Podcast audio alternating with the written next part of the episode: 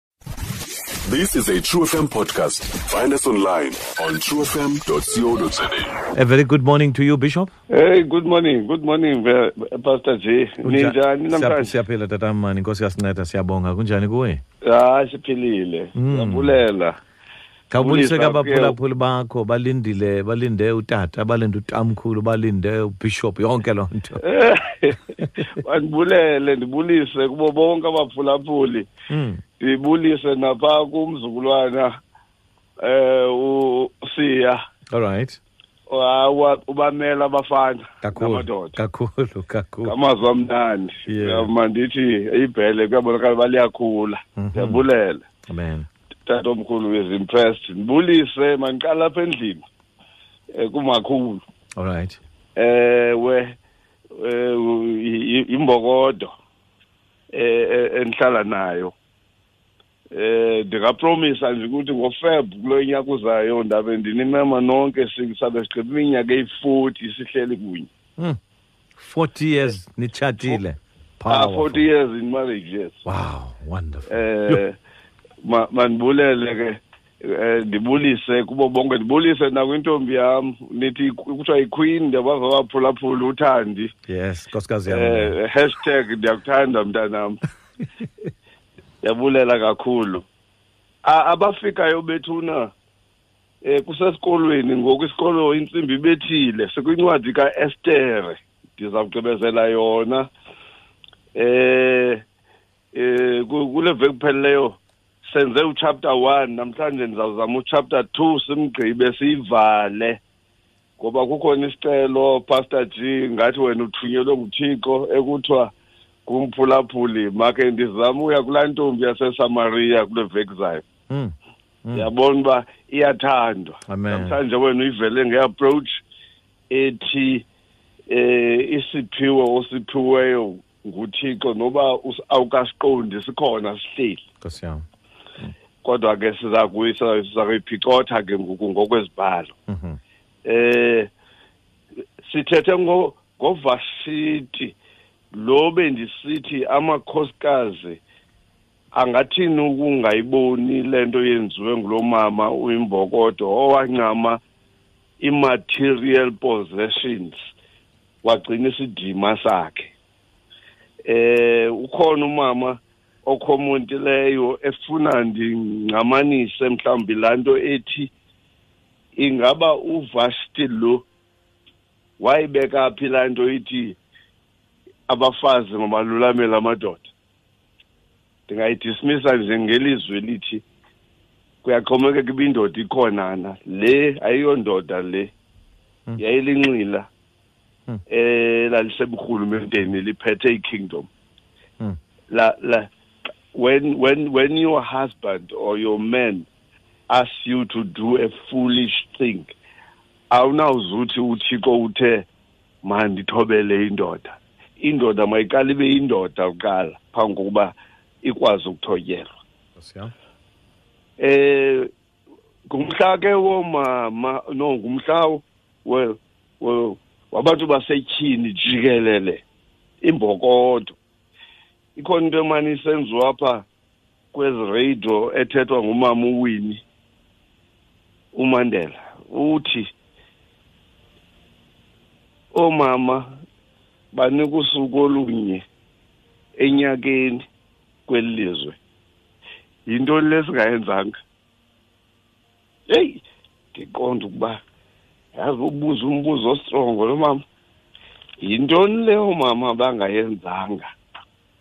okoba singabacelebrate every day ndimvile ke usiya egqitha esithi ukuba ebesemandleni yena ngebenikwa i-allowance oomama ngurhulumente every month masiyishiyeke chapter two sithe ke kule veki kupheleleyo amaphepha i-sunday times namaphepha akula ngingqi elo xesha kwasa ekhoma ezipalini sithi hashtag andizi utshilo ukumkanikazi elinye iphepha lathi queen eh banished kodwa namhlanje livuka lisithi amaphepha avuke sithi search for a new queen uchapter 2 uqala ngokuthi uchapter 2 emva kwezi zinto after these things after these things ke suggest a lapse of time emva kwezi zinto an unspecified time eh eh kuthiwa ke after these things and kuba sekwibible study sesikolweni kuye kwanyanzeleka ndimkrobe lo after these things ukuba uthethe ixesha elingakanani nawukhumbula okokuba laa pati agxothwe kuyo uvashti ukumkani wekunyaka wesithathu so uchapter 2 verse 16 undinika iklu yokokuba after these things uthetha iminyaka emithathu nemine ngoba ndibona kuchapter 16 kuchapter 2 kusithiwa wasiwa ke uEstere kukumkani uAhasuerusi endlini yakhe ngenyanga yeshumi ngomnyaka wesixhenxe wobukumkani bakhe on the 7th year so emveni kwezi zinto it means four years down the line egxothiwe ukumkanikazi mama mandishicilele kuthiwa ke bakudamba ubushushu bokumkani when his anger subsided wamkhumbula uvashti uh, this young king eh uh, ukwi-danger of making permanent decisions or permanent solutions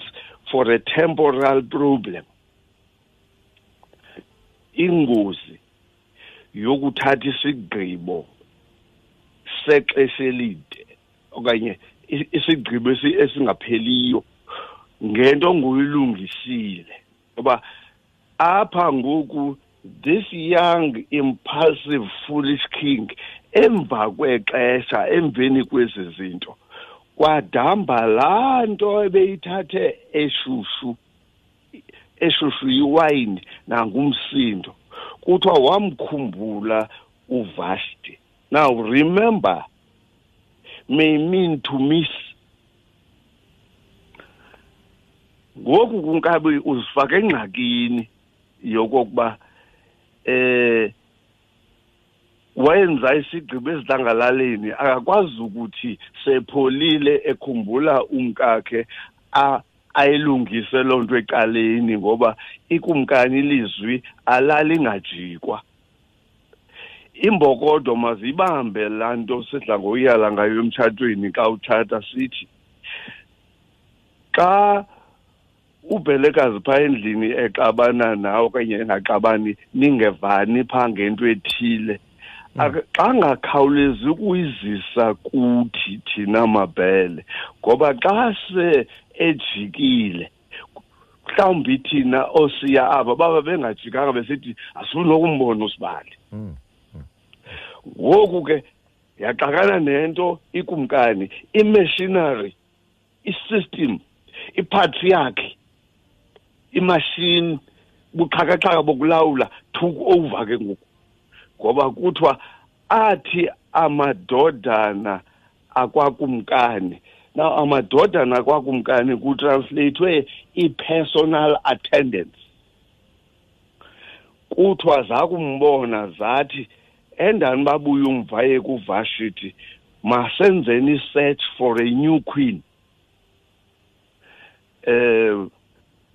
ukumkani makafunelwe iintombi eseziintombi uyava kuthiwa makafunelwe ii-versions unkabi um deflowering and getting new ones amakhosikazi namantombazana enziwa ii-disposable commodities um ugqotha lo ungamfumani omnye Uh, uh, so uverse three and four kwathiwa ukumkani makayalele abaphathi bahlanganise zonke iintombi ez underline ezimbonakalo intle bazisise eshushani komkhulu endlini yabafazi very interesting most beautiful girls taken from home by force ngoba ke aziziyeli ziyothathwa yilaa nto ingapha ngasemampondweni nakwezinye iindawo esilwa nakusasa nje kuthiwa kukuthwala yayikukuthwala oku out of order xa sikulo mhla we-women's we, we day we must be out taken from home by force ndiye ndawukroba laa nto ibhalwe ngesixhosa ethi basiwe kwindlu yabafazi ngesingesi laa nto ngegama lakowayo kuthiwa yiharem h a r e m indlu yabafazi idictionary ithi iharem dictionary yanamhlanje ithi the women's quarters of a muslim household um yiyadi yokufaka ngathi ufaka ba ufaka igusho ecampini e, e, enkampini eh baqokelela bafakwa pha eh xa ndizawugqitha kuloo three nofour eh babe phantsi kwesandla sikahegayi ithenwa lokumkane umgcini wabafazi anyamezela bethuna sikwi-old testament apha eh zinikwa izinto zokuthambisa now bendithe last week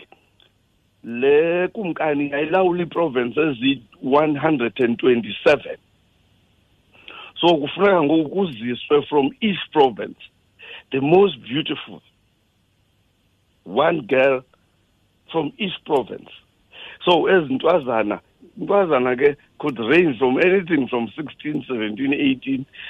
zibe yi-127 kufunwa umntu oyi-one iqueen eyi-one kodwa kuqokelela i-127 bagadwe eh, ngesiXhosa kuthiwa lithena a castrated man castrate um kwakukho isiko lokuba abafazi bakomkhulu bagcinwe yindoda elithenwa he was castrated in order to prevent him from making children who might claim the throne yabona mose xa ikumkani incinci ingena esihlaleni ena-twenty-one ihlale idibe na-ninety-eight ibikhe yenzeka uba ithathe umfazi every year babe yi-ninety-eight ngoku kufuneka bagadwe ngathi usekhempini these girls ke ngoku were put into this ibible study yenzela into yoba naxa uzawubeka itekisi uzawuvangela kodwa ube aware oba ithini icontext yale nto um so apha sibona a, a complete system yepatriarchy baqokelelwa ke aba bantwana bafakwa phantsi kwale ndoda verses 5 to 11 phaa kuverse 5 kuintrodyuswa indoda ekuthiwa ngumodekhayi kwakukho eshushani komkhulu indoda engumyuda kaloku akukho buyudeni apha le nto kuthiwa engumyuda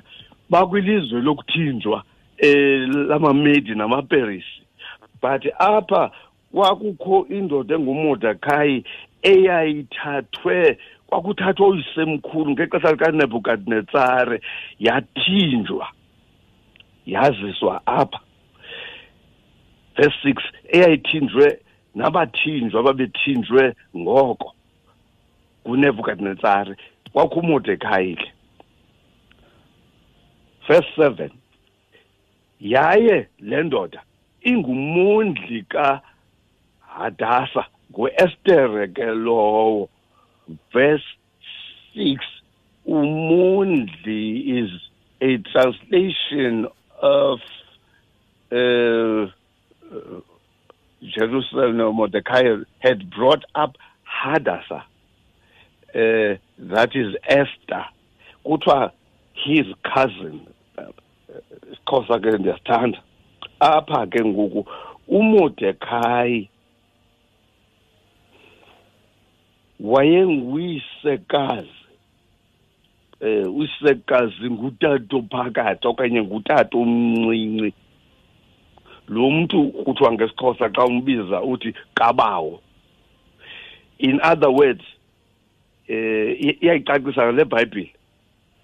pha kuvesi seven xa izawubhala ithi emva kokufa kukayise nonina kaester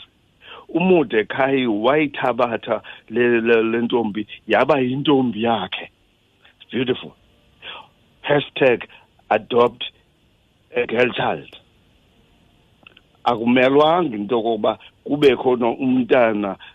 wakokwenu ozalana naye oyintombazana ofilisa ngathi akanatata ukhona be a mordecai to that child so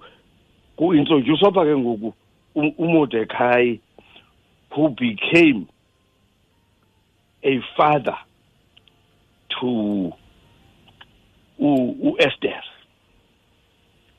masikhawuleze ezi ntombi ke eh o oh, oh, masinga masimjonge la vest eh uverse 9 uthe kakuthiwa kuqokolelwe izintombi umordekayi wathatha le le orphan wayifaka pha naye kule camp yezintombi eh kuthiwa ke uhegayi ithenwa verse 9 yamkholisa intombi leyo i don't know why what favor eh oh no let's say ke God's favor was upon uh, Esther kuthiwa yamkholisa lentombi wayenzela ububele wakhawuleza wayinika izinto zayo zokuthambisa eh, eh, kumlenze ungenadola nezabelo zayo wayinika neentombi ezisixhenxe ezihleliweyo ezivela endlini yokumkani wayibeka yona nomthinjane wayo kweyona ndawo intle kwindlu yabafazi so umodekhayi apha ngoku first thing le nkedama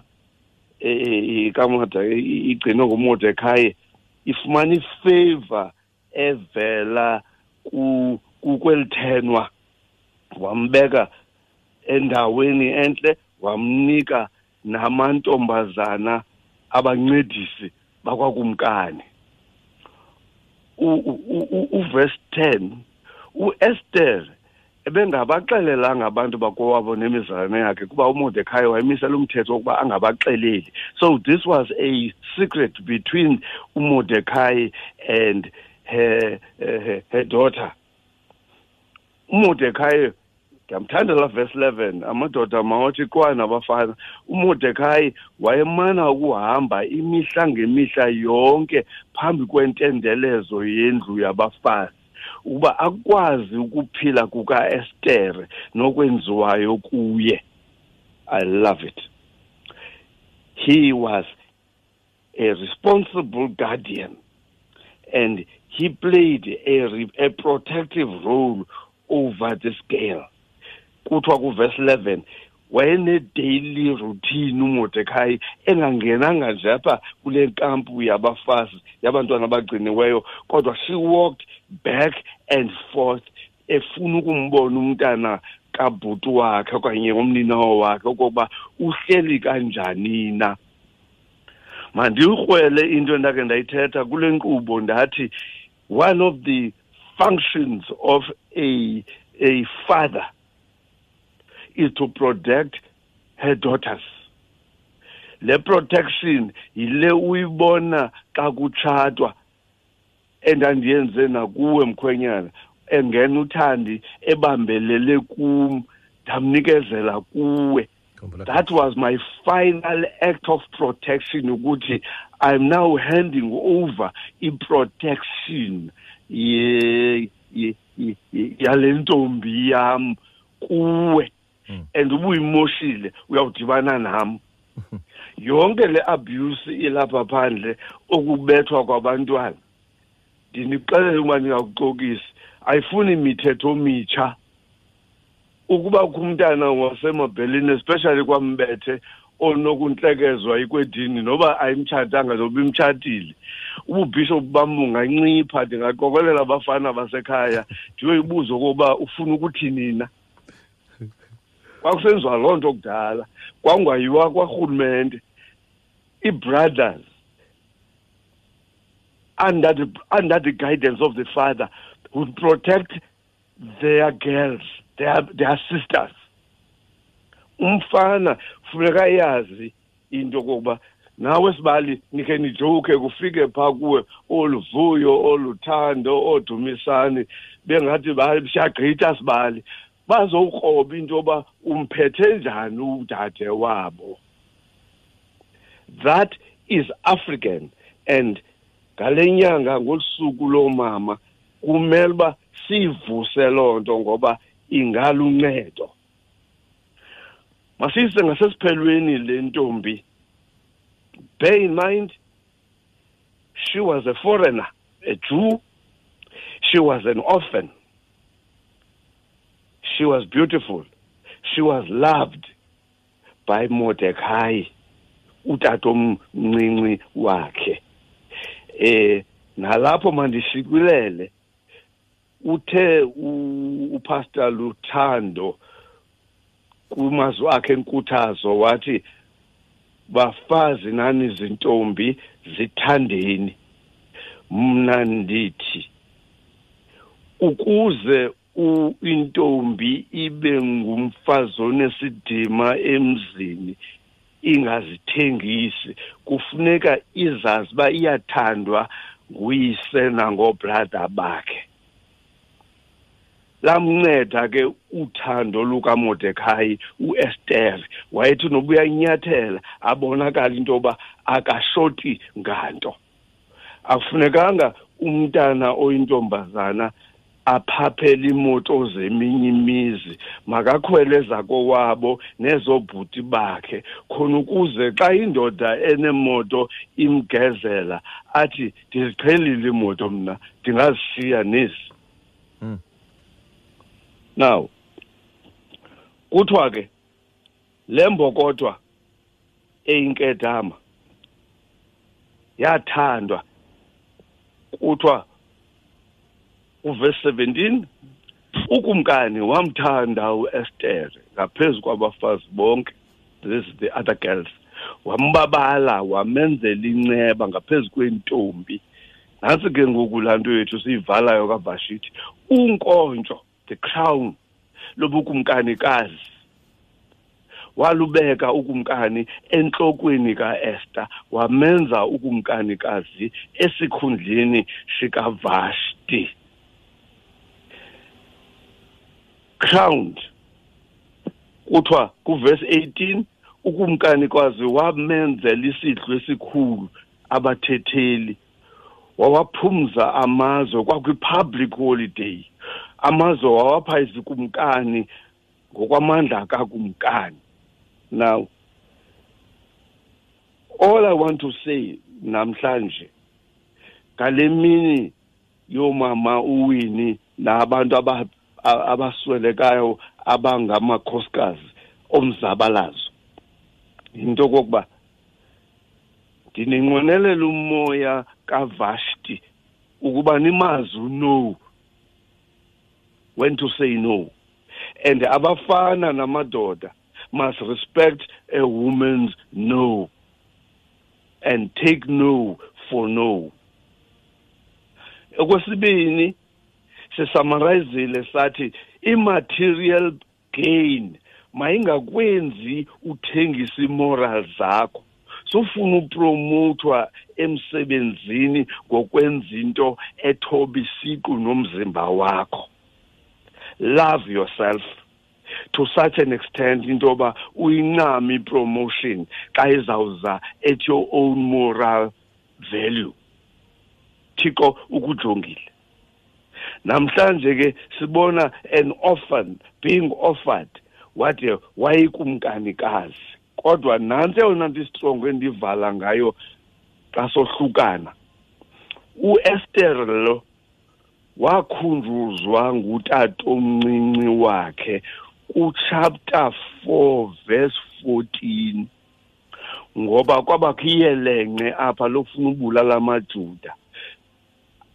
aseyivwa ngulo mntana kuthiwa nguestere le mbokothwana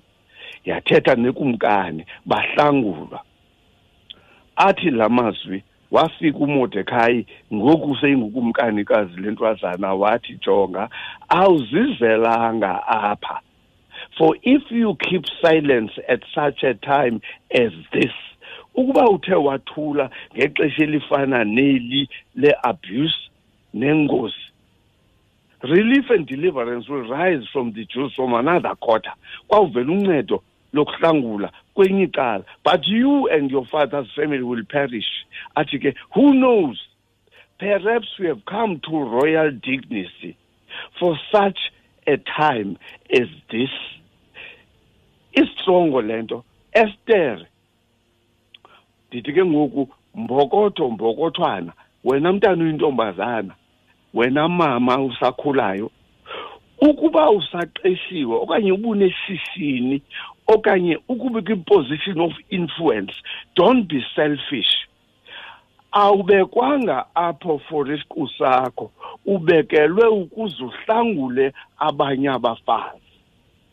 ilusizi into yokokuba nge-women's month nange-women's time kuthi kanti kukho abanye abafazi abacinezela abanye abafazi uester was reminded chapter 4 verse 14 into yokokuba sucinga into yoba every time you wear that crown remember into yoba it is not my crown this crown belongs to the other girls take a girl protect a girl abafazi bawuzikhulula ngokuthi bafunde babe zijaji babe ngoomantyi babe ngabatshutshisi ukwenzela uba indoda emosha umfazi ikwazi uba idibane nesystem ebanjwe imbokodo may god bless you and keep you uthixo makaninike amandla anisikelele anigcine i I, I, I, I, I give you blessings and honor. We need millionaires ezingabafazi namantombazana because once i-material resources zibe ngasebafazini eli lizwe nezibhedlela zawuyeka uba yingxaki be blessed in the name of jesus amen amen enkosi bishop sibulele kakhulu bishop mbethe ke ukwayiyona yi-author yencwadi eziliqela zibhalileyo ungakwazi ukusifumana incwadi zakhe namba ke ufumaneka kuyo ngu-079 stream true fm online on true fm co za sikho yonke indawo ngalo lonke ixesha like no one else